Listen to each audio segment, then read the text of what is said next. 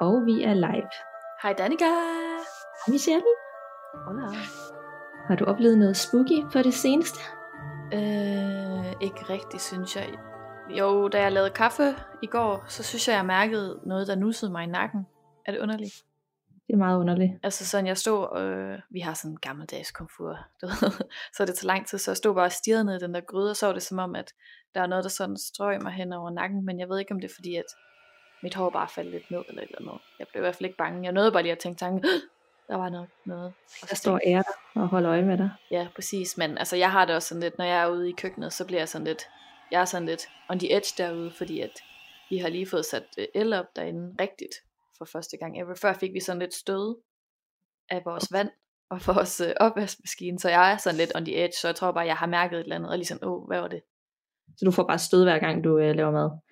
Det gjorde jeg engang, men du ved, her for et par måneder siden fik vi det så lavet, men jeg, du ved, det er stadig i min krop, jeg er sådan er bange for at få stød, så tror jeg bare, jeg er sådan lidt ekstra opmærksom på alt. Så Ja. jeg tror bare, det var et eller andet. Håber jeg bare, det var mit hår eller et eller andet.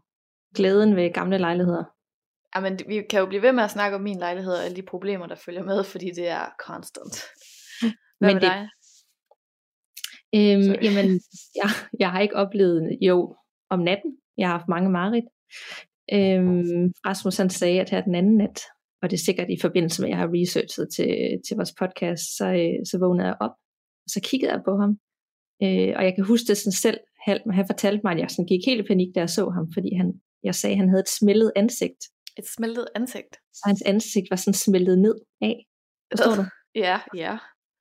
Og så gik jeg jo helt panik, Ja, det og kan prøvede man godt forstå. han havde altså det her øh, smeltede ansigt, og det, det synes jeg ikke om.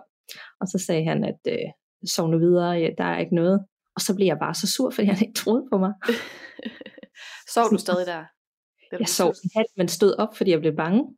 Og så Ah. var jeg alligevel op, og så skulle jeg på toilet, og så var klokken tre, og så, så, ja, så kørte den bare, og jeg vågnede igen i nat, fordi jeg havde noget med dæmoner og sådan noget. Øhm, så det er bare en fast ting, men det har jeg jo altid haft. Så det Ja, hører okay. bare Er det egentlig blevet mere eller mindre, efter vi startede på alt det her shit?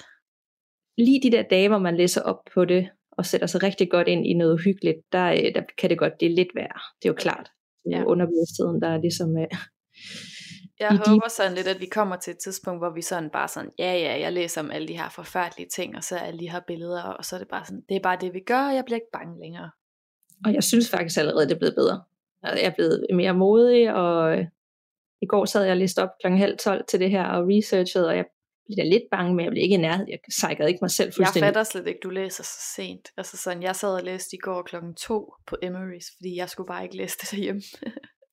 Jeg havde ikke noget valg, fordi jeg var, øh, han kom først sent hjem, og så inden børnene er puttet, og man får ordnet alle mulige andre ting, så, øh, så er klokken halv tolv. Hmm. Øhm, og så var der faktisk også noget andet, fordi vi har, vi har sådan en ballon hængende herhjemme, oh, som er meget hyggelig om dagen, sådan en heliumballon, Mm. som hun kan lege om, men om natten, når den sådan bevæger sig lidt, du ved, man lige går forbi sådan op i loftet, der fik jeg bare sådan associationer til det, klovnen i et, Hvorfor? stort set den. Ja. Så svævende balloner om natten, og en mand med smeltet ansigt og dæmoner, det, det er min uge. Jamen, det går da ret godt. Altså for mig, der er det mest sådan noget, du ved, hvis man lige, hvis der er et spejl bag en, og man lige sådan ser, hurtigt ser noget. Mm. Øh, for eksempel, jeg har haft en øh, sort sweater hængende i, på badeværelset. Og der er sådan, lige når jeg vender mig hurtigt om, så sådan, der står en, men så er det jo bare min sweater. Du ved, den har jeg haft meget mere af end normalt, synes jeg. Altså sådan, jeg hurtigt ser noget i farten, eller et eller andet. Så det Ja. er bare skønt at være herhjemme. Men det er jo godt. Ja. Øhm, men ja, velkommen til episode 5, og tak fordi I har taget så godt imod det. Det er jo helt overvældende. Ja, det er det. Øh, det havde jeg ikke forventet, at der var så mange, der var interesseret i det her, så det er mega fedt. Og jeg har bare gået sådan de seneste par dage og været sådan den der emoji der, hvor der græder af glæde, kender den? Mm. Hvor det løber ned ad kinderne, fordi jeg er bare så, det er så fedt den respons, vi har fået, både god og dårlig, men at folk bare lytter og sender egne historier og har erfaringer og dialoger Ja. ja. og alt muligt. Det er bare mega fedt. At, Og Ja. tagger os i alle mulige ting, og siger, at de hører, lytter til os, når de er ude at gå, og de er, vi har underholdt den, og de har slået tankerne fra. Altså det er jo ligesom også det, der har været hensigten, det er bare, at folk skal hygge sig, eller blive skræmt med det, ikke? Ja, sådan en god kombi. Altså jeg ser det lidt som sådan en, kender du de der ASMR-videoer på Instagram? Mm-mm. Altså de der, af folk, som spiser ting, eller tykker ting, eller et eller andet, du ved, som er sådan satisfying og stille og roligt. Sådan, jeg håber folk, de lytter til os, og bare sådan, kan gå og nus lidt derhjemme, eller gå en tur og sådan noget, sådan at man ikke behøver at lytte sådan hardcore til alt, hvad vi siger, men det er sådan en hyggelig samtale i ørerne, så man slapper ja. af, som også er lidt spooky. Så vi har lige, Meget, nogle, ikke? vi har lige nogle jump scares Vi har fået rigtig uh, mange kommentarer fra jer derude de seneste par dage med lydeffekterne fra episode 4. Ja. øh, vi har skræmt livet af, af en håndfuld folk, føler ja, du har, måske du flere. har jo redigeret afsnittet, og du skræmte ja. også livet af mig og Andreas, fordi vi lige skulle høre uh, introen, og så var det bare sådan, Andreas øjne de blev bare helt store, hvad var det? Og så bare sådan, det ved jeg ikke. Men de bliver her, og jeg tænker, at det bliver noget af det her. Leave now before Master finds you. Uh, jeg elsker, når du siger, uh. det lyder meget realistisk, ikke? Ja. Og så vil jeg lige huske at nævne vores øh, Facebook-gruppe, der er jo kommet op at køre. Den private Facebook-gruppe, der hedder Gåsede Podcast. Yes. Ja, og man skal anmode om at blive medlem, og så godkender vi.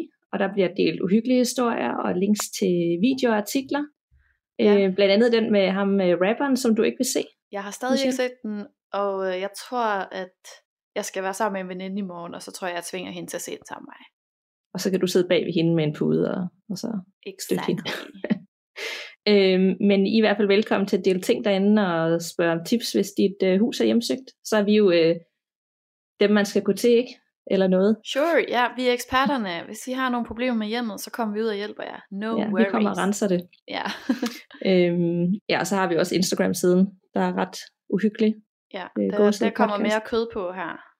Så Yes. øh, følg med derinde, det skal nok blive Det sjovt. bliver og godt. Og hurtigt har vi egentlig introduceret os selv. Jeg er Michelle stemmen, og du er Danika stemmen. Ja, den kan stemme. Ja, exakt. Og vi øh, laver os lidt siden af. Vi er selvstændige, men det er ikke det, det skal handle om, fordi det er gåsehud. Øh, og så har vi endnu en god nyhed. Vi har nemlig modtaget flere uhyggelige sto- historier fra jer derude, og vi vil dele en til sidst her i afsnittet. Yes. Ja, vi nøjes Mm. med en, ikke? Er det ikke sådan, vi gør? Vi deler det lidt ud. Jo, det tænker jeg. Okay. Øh, Det kan være på sigt, så kan vi lave rene episoder med læserhistorier, hvis der kommer nok ind. Ja, så kom med dem. Altså, jeg Kom med elsker at høre det, og jeg sad og læste en op for Andreas på en café i går, og vi sad bare, ej, det er bare så fedt. Jeg elsker det virkelig. Så hvis I har nogle gode historier, og jeg ved, I har dem, fordi alle har sådan en eller anden spooky historie, synes jeg, når man møder dem, så send dem til os. Nemlig, om det er noget, man har oplevet selv, eller man kender nogen, der har oplevet noget, eller... Eller det er en urban legend. Ja, og hvorfor siger du nu det? Ja, hvorfor gør jeg nu det? Jeg tror, det er fordi, at det er det, det skal handle om i dag, og jeg har været meget excited over det her afsnit. Det er nemlig din gode idé. Ja, fordi at har vi ikke alle sammen sådan nogle urban legends, som vi husker fra dengang vi var børn? Altså sådan nogle de her vandrehistorier, som er gået igen på en eller anden måde. Er det ikke så, man definerer en urban legend? Jo, hvor man ikke ligesom ved, hvor den er startet henne, og man ved ikke helt, øh, om den er rigtig eller fake, og den bliver bare vildere og vildere, jo flere gange den bliver fortalt. Ja, og det er altid sådan noget, en, en fætter, eller en onkel, eller en længere ude, eller jeg kendte en i skole, som havde en veninde der, du ved, så der kommer altid sådan et personligt twist på dem. Mm. Det er, nogen, Det er det man gode ved den. Ja, det er det, der er så sejt. Ja, og vi er begge to sådan lidt fascineret af de her vandrehistorier, fordi selvom nogle af dem er lidt overdrevet, sådan, er der hold i det, eller hvad er det? Hvad er det, der har startet det her? Måske har det været rigtigt til at starte med, og så er den blevet ændret lidt hen ad vejen, men ja, det vil vi snakke lidt nærmere om. Ja, jeg, jeg synes, Øhm. det er ikke. Kender du nogen sådan lige uh, on the top Vand- of your... Ja, altså der er jo sådan de helt kendte som sådan Bloody Mary. Det er i hvert fald en af dem, jeg, Jeg tænker på. fucking hader Bloody Mary. Altså Og- sådan, jeg tænker på det hver gang, jeg vasker makeup af. Er det rigtigt? Ja, det er virkelig forfærdeligt. Jeg er så bange for at komme til at sige det inde i mit hoved, og det er nok til, at hun dukker op i spejlet. Altså Præcis. Det har jeg også tænkt, at hvis man bare tænker hendes navn tre gange, så kommer hun. ja, prøv at se nu. Jeg har ikke makeup på i dag. Jeg, jeg kan jo ikke... Du må ikke kigge der spejlet i dag. Okay. Til dem af jer, der ikke kender historien, så er det en uh, uhyggelig dame, der dukker op i spejlet, hvis man siger hendes navn tre gange. Så nu siger sige det det to. højt, er vi enige? Bloody Mary, Bloody Du skal Mary. ikke sige det tre gange. Nej, jeg siger det ikke tre gange. Oh, Fordi hun er ikke, hun er ikke så sød. Og hun, jeg ved ikke, om hun kommer ud af spejlet, eller om kommer hun ud af bare- spejlet og hiver dig ind, eller sådan noget. Godt, så vi siger det kun to gange. Ja. Øhm, en af de nye vandrehistorier, jeg kender, det er Slenderman. Ja, der Som, kender jeg øh, na- bare navnet, jeg elsker det. Slenderman. Det er Slenderman. Øh, og det er vist nok, nok en opdigtet figur, og ikke så mange år tilbage, men den har jo faktisk resulteret i nogle mor i USA. ja. hvor nogle piger helt ned til 11 år slog en anden pige ihjel, fordi Slenderman sagde, at de skulle gøre det. Ja. det og de er i fængsel nu. Ja, det, der er der ikke en dokumentar på Jo. Netflix om det? Den er faktisk noget? rigtig god. Det kan være, at vi lige skal linke til den i show notes, hvis man har lyst Yes. til at se den. Og den er også hyggelig, så man skal ikke lige se den alene en, øh, en mørk aften. Exactly. Men jeg tænker, at jeg vil lægge ud med min historie, Det synes jeg da bare, at skal Øhm, gøre. og du skal glæde dig, og I skal glæde jer derude. Det er et måske mere et fænomen. Det er nemlig vandrehistorien om det, man kender som Black-Eyed Children. På dansk, de sortårede børn. Og det i sig selv lyder jo ret uhyggeligt, og jeg kan nok også sige, at det er Jeg noget håber, af det du værste. kan høre, at jeg tager en dyb øh, jeg er klar. Do it, fordi du får, du får brug for det. Okay. det er nemlig simpelthen noget af det værste, jeg kunne forestille mig, det var at møde de her Black-Eyed Children. Og historien om Black-Eyed Children, det blev først nævnt tilbage i øh, medierne i 90'erne, og det er egentlig selvom fortællingerne går helt tilbage til 50'erne. Og det var en journalist i Texas ved navn øh, Brian Beatle, som skrev om sit møde med de her børn, lige så vel som han kendte andre, der havde oplevet det samme. Hans beskrivelser om mødet med dem blev så populær og bragte en masse andre historier frem, og det viste nemlig, at mange mennesker verden over havde oplevet noget lignende. Så han var ligesom det, der, ham, der satte fokus på det og fik det frem. Men hvad er det Black Eyed Children er? Og hvad er det, de her børn leder efter? Og hvorfor er det, folk bliver så bange, når de møder den? Øhm, Black Eyed Children, det er noget overnaturligt, og det kan være i form af spøgelser, som nogen mener det er, eller det kan også være noget umenneskeligt, der aldrig har været i nærheden af at leve på jorden. Det ved man ikke. Det er i hvert fald noget ondt. Mm. Øhm, men en ting går igen i alle de her beretninger, jeg kunne finde online, og det er, at de her børn, de har ikke gode hensigter, de, som i ingen overhovedet.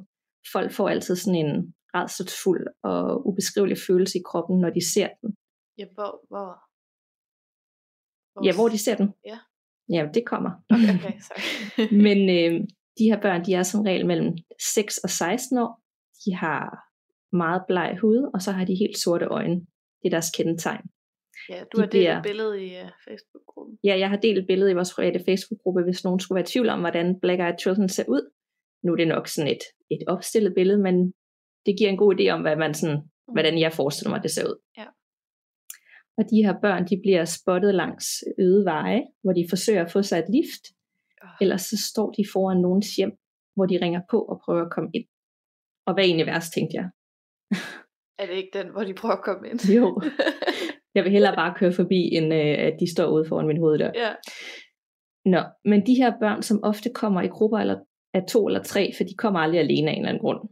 De dukker bare op ud af den blå luft. Der er ingen, der ved, hvor de kommer fra, eller hvad de kommer efter. Nogle, de er sådan, de mener, at det er de steder aliens, der forklædt som mennesker, du ved, sådan noget konspirationsteoretikere, og andre mener, at det er efterkommer af djævlen. Og så er der nogen, der mener, at det bare er mennesker eller børn, der, der er sådan, synes, det er sjovt at, at køre en prank på folk. Igen, jeg ved ikke, hvad der er værst.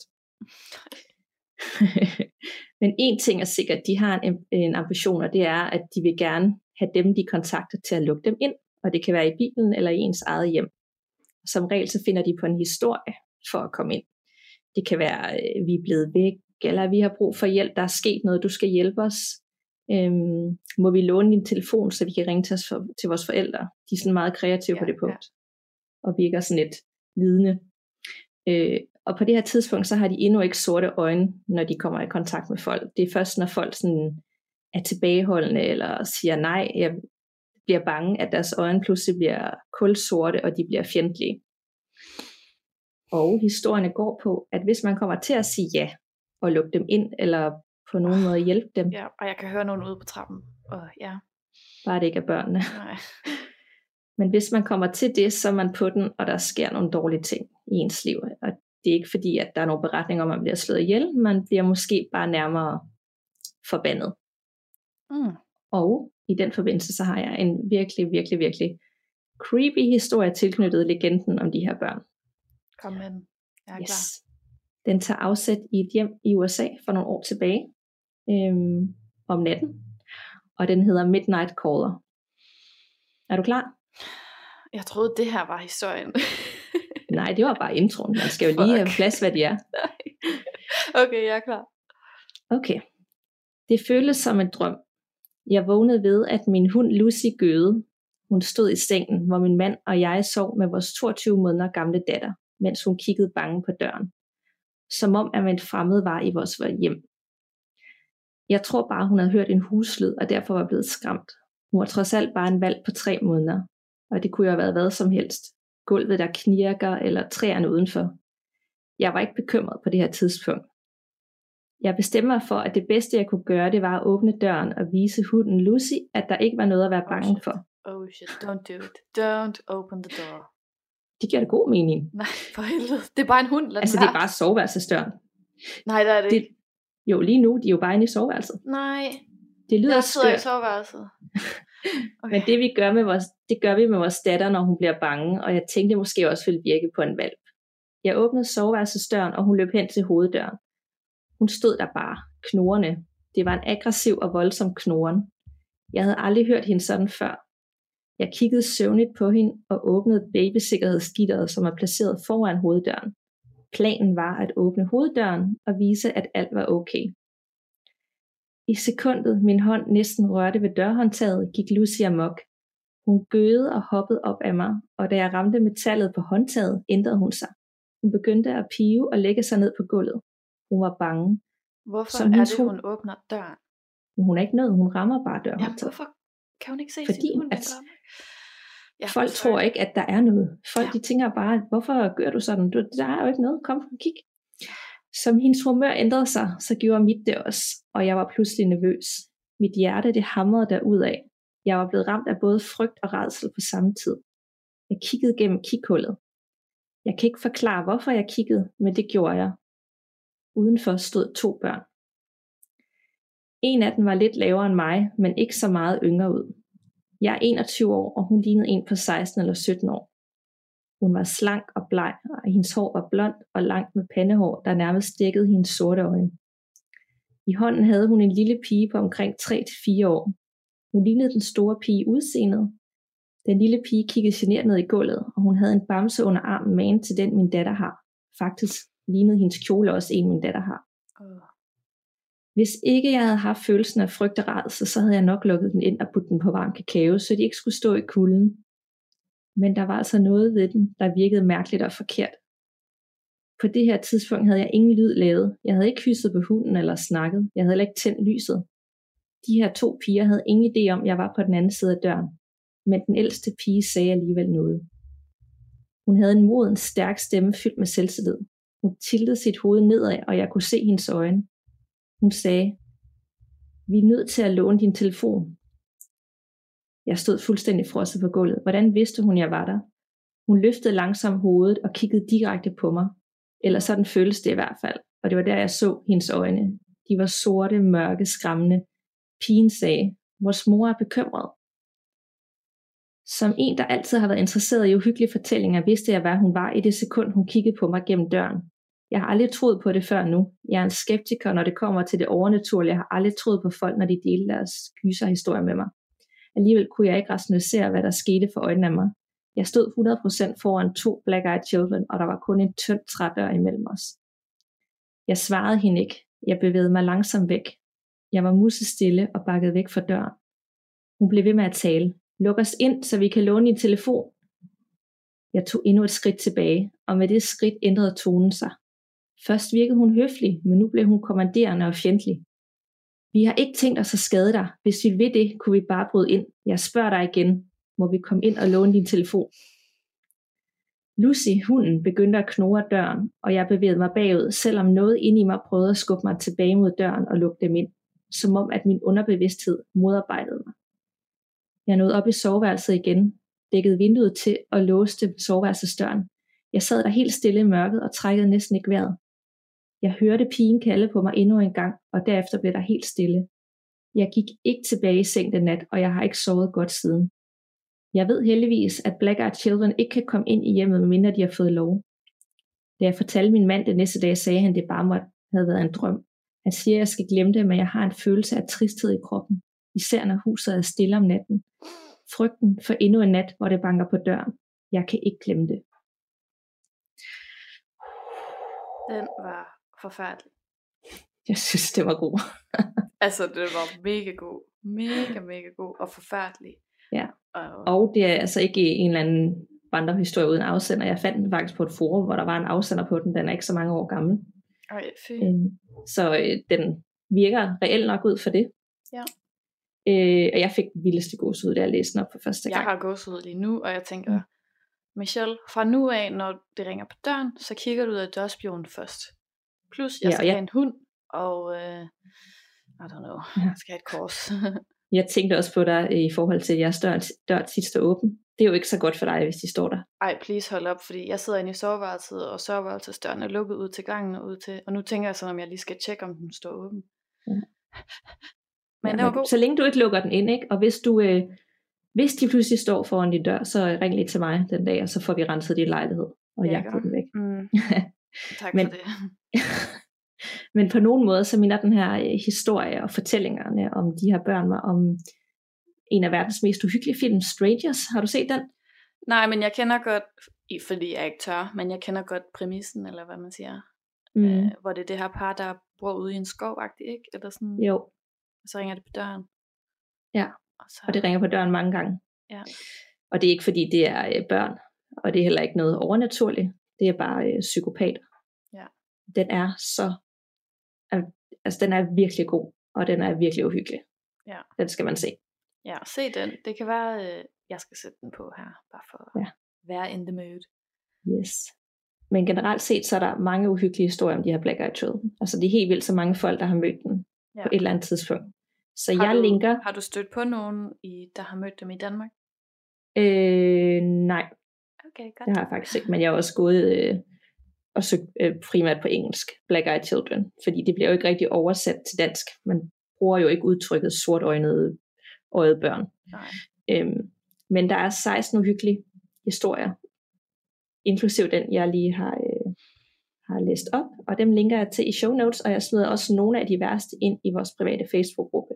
Ja. Måske et par bonus, så man har flere timer til at bare læse den igennem og virkelig blive endnu mere bange. ja, hvis man godt kan lide at være bange, så skal man bare gå derind og se alt. Og det kan vi jo alle sammen godt inderst inde. Ja. Så det var fortælling om Black Eyed Children. Ej, den var god. Og rigtig godt fortalt, Annika. Tak.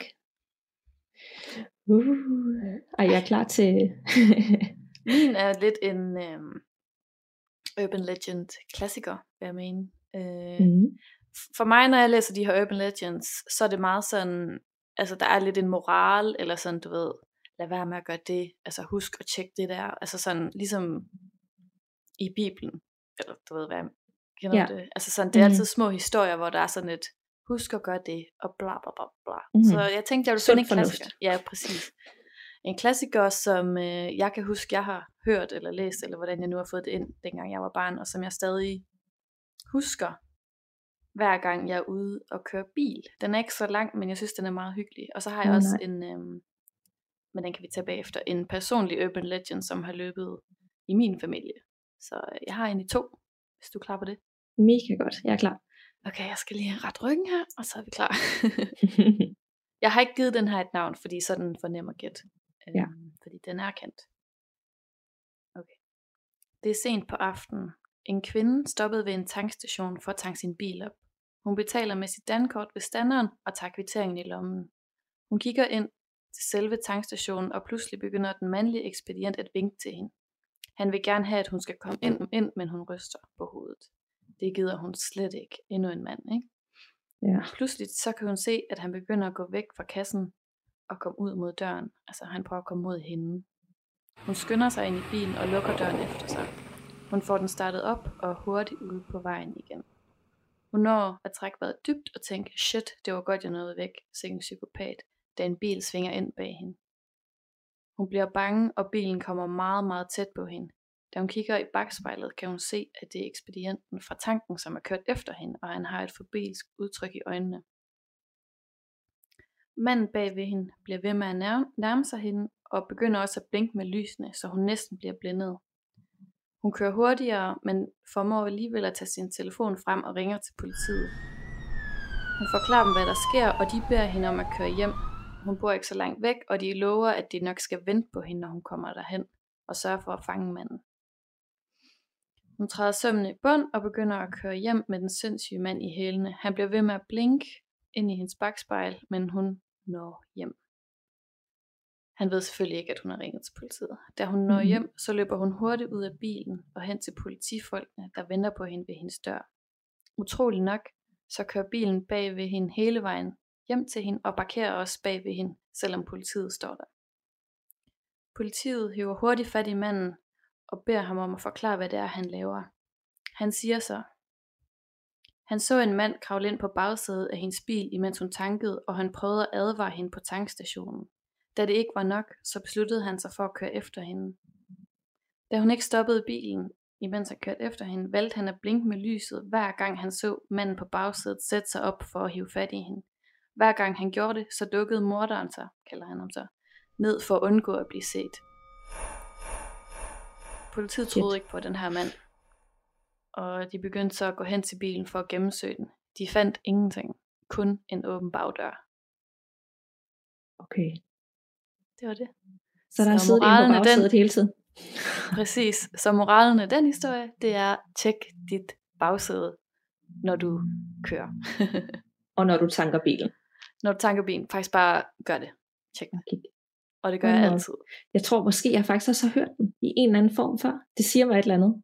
Jamen, det er sådan en klassiker, og jeg ved, jeg har hørt den i forskellige versioner, fordi der er mange versioner af den her uh, Urban Legend.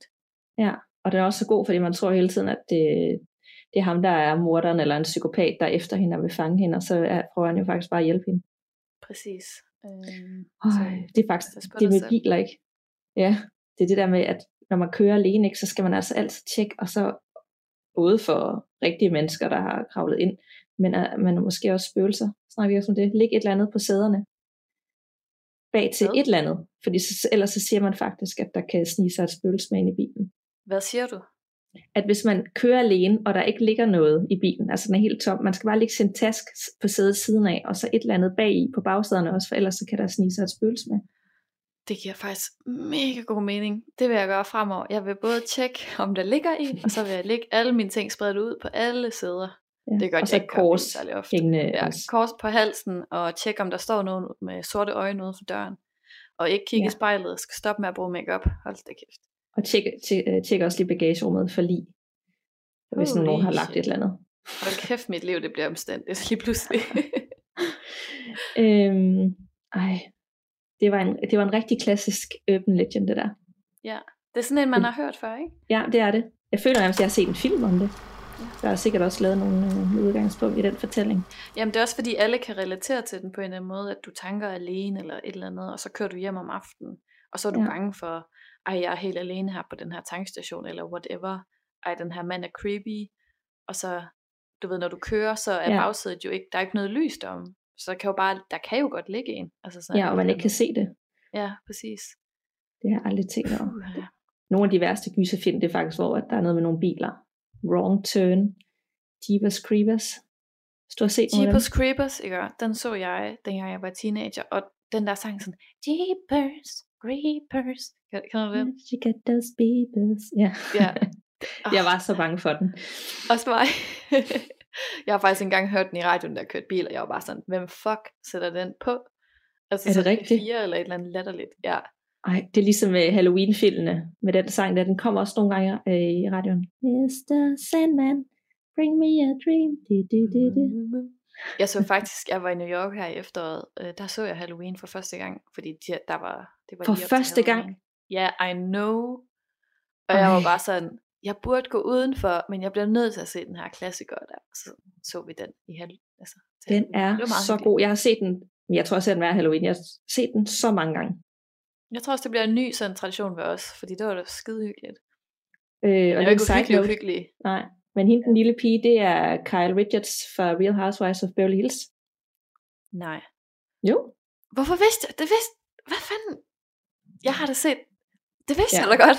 Det har jeg ikke engang lige tænkt over det. Nej. Nej. Men Okay. øh, fantastisk gyser, klassisk gyserfilm, og der er jo seks af dem, jeg vil sige, etteren og toeren er gode, treeren, firen og femeren, men de er ikke så gode, og så de nye fortolkninger er også gode. Fedt. Så der er mange at gå i gang med. Jeg tror også, nogle af dem ligger på Netflix og Viaplay og HBO. Ja, et godt tip. Ja, Øhm, Men Urban skal jeg ikke Legends- læse min uh, Urban Legend fra min mor? jo, meget gerne. Altså, jeg kalder det jo en Urban Legend, fordi det er en... Hun siger, at det er en onkel. Men altså, jeg tror, det er... Altså, det er en eller anden, hun har fået fortalt af en eller anden og sådan noget. Så øh, skal jeg ikke bare læse den op, den er ikke så lang. Jo, meget gerne. Øhm, denne historie har jeg fået af min mor. Altså hun fortalte mig den dengang jeg var barn, og jeg kan stadig huske den. Jeg har skrevet det ned for at få det hele med. Det er mig, der har skrevet det. Den handler om hendes onkel, mennesker, eller det ved jeg ikke, en eller anden slægtning. slægtning. Han gik til spåkonen for at høre om sin fremtid.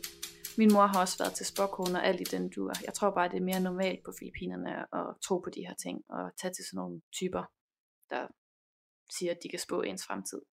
Mm. Anywho, det gjorde ham, gjorde man, og øh, denne spåkone sagde til ham, at havet ville dræbe ham tidligt i hans liv, så det skulle han holde sig fra, og det gjorde han.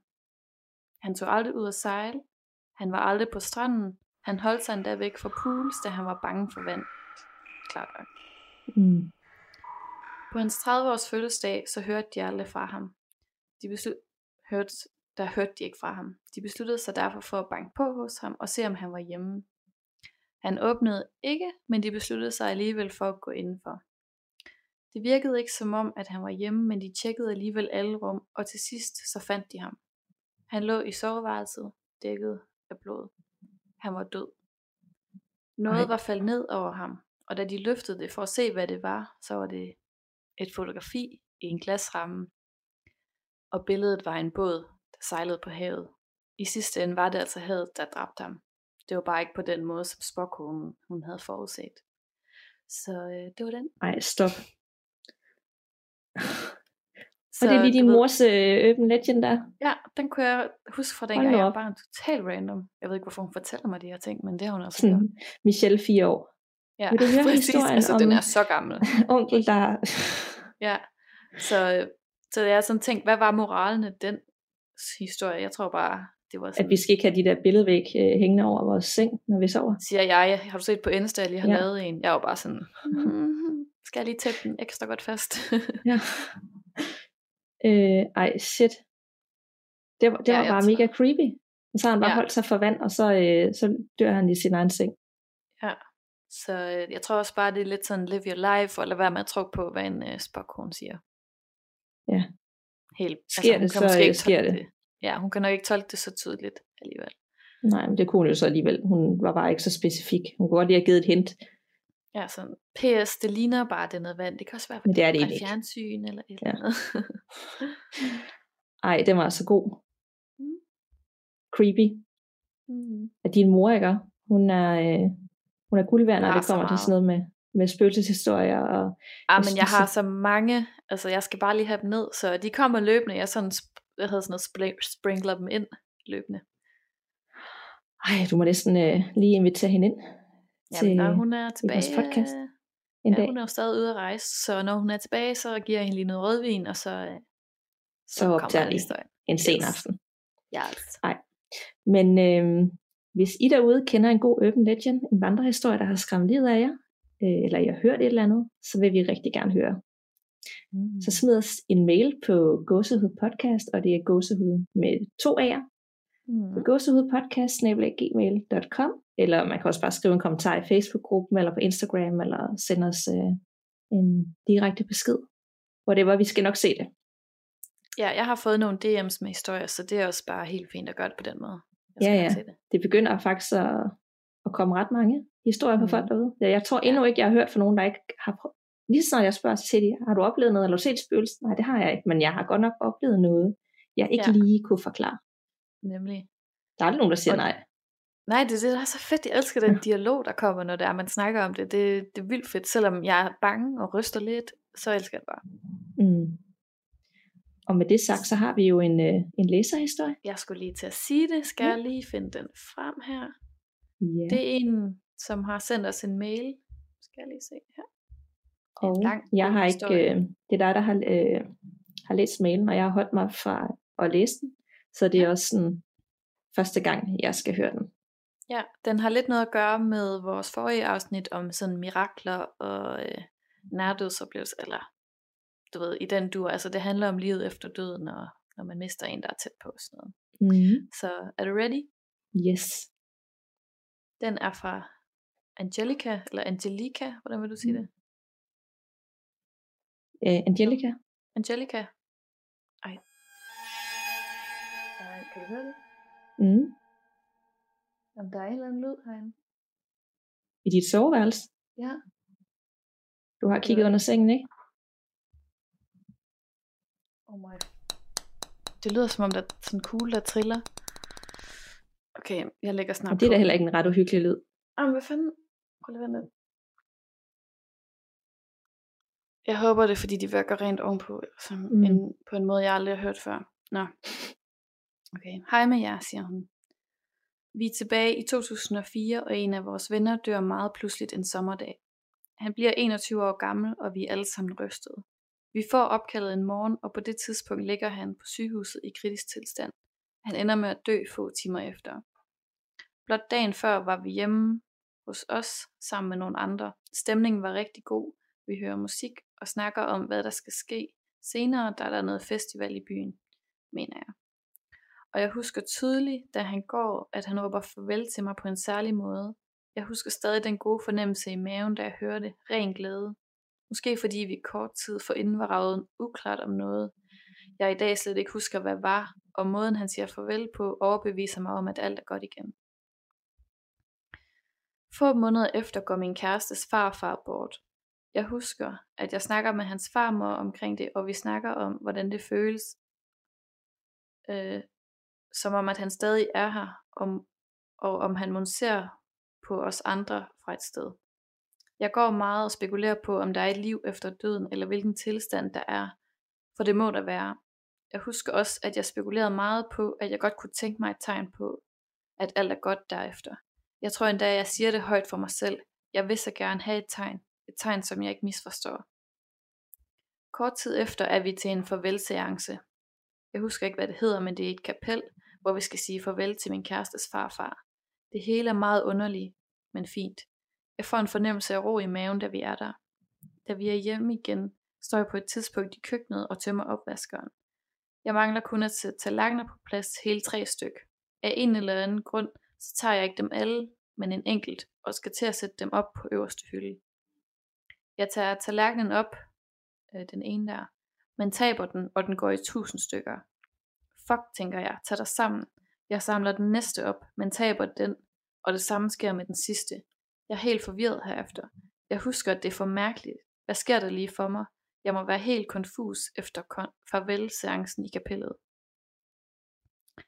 I dagene efter kommer jeg til at tænke over det igen. Var det et tegn? Var det et tegn på, at alt er godt øh, et vist sted? Kunne det, være vir- kunne det virkelig være rigtigt? Jeg har svært ved at ryste oplevelsen af mig. Det var så absurd. Jeg taber aldrig ting. Virkelig aldrig. Jeg er ikke den kluntede type. En vil sige, ja det er tilfældigt, eller også at du kommer til at påvirke dig selv så meget, at du selv sørger for at finde svaret. En anden vil sige, at det ikke er tilfældigt. Jeg kender stadig ikke svaret, og jeg ved ikke, om jeg tror på, at det der skete var et decideret tegn, men mærkeligt var det. Det er aldrig sket siden. Hvad tror I, der sker, efter man er gået bort? Tror I, energien blot forsvinder, eller hvor bliver den af? Det var sådan, hun op. sin historie. Mega sådan godt beskrevet og spændende historie. Mega Altså jeg var sådan ligesom jeg var øh, i det der kapellet og i køkkenet med tallerkenerne. Ja, så hun, hun tror, ja det er mega godt skrevet, hun tror, at, at hun taber de her tre tallerkener på en helt random måde tre gange i træk. Det er et tegn på, at der er noget på den anden side. Er det ikke sådan, du læser det? Eller Jo. Ja, som om at det er tilfældigt. Altså jeg tror, jeg, der? det er meget random, hvis man skulle tabe tre tallerkener lige efter hinanden på samme måde, når man aldrig gør det. Altså en tallerken, fint, to, okay. Det er da godt Nummer nok spøjst, men sådan tre, lidt, Hvad så foregår der? Ja, så kan jeg godt forstå, at man er sådan lidt, hvad sker der for mig? der er jo også et eller andet med tallet tre, et, hvis man tror på sådan noget, men det er jo sådan noget med angel numbers og englenummer. Så hvis det er relateret til, at der lige er en afdød, og man har ligesom søgt for et tegn fra den anden side, så giver det ret meget mening med tre. Det var det Ej, første, er jeg tænkte. rigtigt. Ja. Ej, hvor, det giver da så meget mening, fordi jeg skal være ærlig sige, jeg har lidt svært ved at se den der connection, men så, går- så svinger du lige den der ind, og nu er jeg da helt med. Det giver da så god Ja. mening. Min mor, hun, øh, hun nørder sådan noget rigtig meget, så hun fortæller mig altid sådan noget med tal, ligesom hvis du kigger på din telefon, øh, og du ser hele tiden det samme tal, 11-11 hver dag. Eller, du ved ikke, Mm-hmm. 22-22 om aftenen, at så er der tit selvfølgelig, kan det være tilfældigt, hvis man føler, man ser det hver dag, så kan nogle gange godt være no- noget, der prøver at fortælle en noget, noget du skal være opmærksom på, noget der kan give dig ro, hvis du er et sted i livet, hvor at du er lidt i tvivl om, hvad du skal gøre. Så det, det nørder hun meget, og så fortæller hun mig det. Og det, det der tal 3, det har en stor betydning i forhold til det overnaturlige, og engler Ej, og det døde og den anden side. Ja. Ej, det er da mega spændende. Det kan være, at det også er noget, vi skulle tage op en dag. Mm. Så Og jeg hvad tror sker der for fald, vores mødre? De Hvad skulle lige have en uh, snak lidt sammen Ja. over et glas rødvin. ja, alle- fire, det være hyggeligt. Nej, min mor har ikke øh, oplevet noget på din, den samme måde som din mor, men øh, hun, hun tror på det, og hun har, har meget noget med tal. Men de kunne sikkert Ja. få en god snak alligevel. Mm. Øh, men mega god historie. Øh, Ja, jeg tror ikke bare, det er random. Ja, men det er bare mig. Men hun spørger her til sidst, hvad tror I, der sker, efter man går bort? Tror I, at energien bare forsvinder, eller hvad? Nej, det snakkede vi også lidt om i sidste afsnit. Det tror jeg ikke på. Jeg har selv haft nogle oplevelser med nogle familiemedlemmer, der er døde, og har følelsen af, at især en person passer på os og stadig ikke er her. På en god måde. Øh, Mm. de ting, der, der er sket, hvor man måske nogen burde være døde, men ikke er døde. Øh, så nej, jeg tror ikke bare på, at energien forsvinder. Det vil også være mærkeligt. Har levet et helt liv med en sjæl, og så dør vi, og så hvor, går, hvor forsvinder den hen? Ja. Er det bare luft, eller bliver man genfødt? Altså sådan noget med reinkarnation. Øh, Ja. Det tror jeg også på. Ja, Det skal vi have et afsnit om. ja, ja, jeg skal, ja. Ej, jeg blev Hvad tror lige du? øh, distraheret. Jamen, det, øh, det er fordi, der er, min overbo spiller guitar nu, så det er bare all good. Jeg er virkelig glad for, at der kommer noget. det er ikke glaskugler på gulvet længere. Nej, det er bare dejligt. Jamen, jeg ved ikke, hvad jeg tror på, fordi på den ene side, så jeg kan huske, at jeg sådan holdt mig vågen mange gange som barn. Øhm, og så sådan bare kiggede af vinduet og var sådan, hvad sker der, når man dør? Altså, jeg kunne ikke fatte det i mit hoved. Så det kan da ikke passe, at man bare lukker øjnene, og så er man bare væk. Men på den anden side, så er vi jo bare organismer. Altså sådan, organismer, ja. du ved. Hvorfor skulle vores celler ikke bare dø, og så er det bare det? Så jeg er sådan, jeg ved det sgu ikke. Jamen, det, er, det er så syret at tænke på, ikke? Fordi vi er jo bare en krop, og som du siger, organismer, men ja, men med følelser og sjæl, og altså der er bare ting, man ikke kan forklare, hvordan, hvorfor det er sådan. ja. Det har jeg bare svært ved sådan ligesom at tage og føle på. Det er spændende, Mm. vi ved det ikke, men vi kan jo kun Nej. formode, hvad der sker. Ja. Så god Så- historie, der satte nogle tanker i gang. Jeg Mega håber også, det gjorde historie. jer derude. Ja. Øhm, og som afslutning, så øh, vil vi igen blive rigtig glade, hvis I godt kan lide at lytte med til det her, hvis I vil rate os øh, på iTunes med fem Mhm. stjerner, eller skrive en anmeldelse af os. Øhm, Det var mega nice. det tager ikke så lang tid. Jeg behøver jo ikke skrive en anmeldelse, man kan bare lige klikke, det tager det i to sekunder. Mm. Øh, ja, Ja, ej, jeg Mm. elsker bare, hver gang du gør sådan, uh, det lyder så hyggeligt.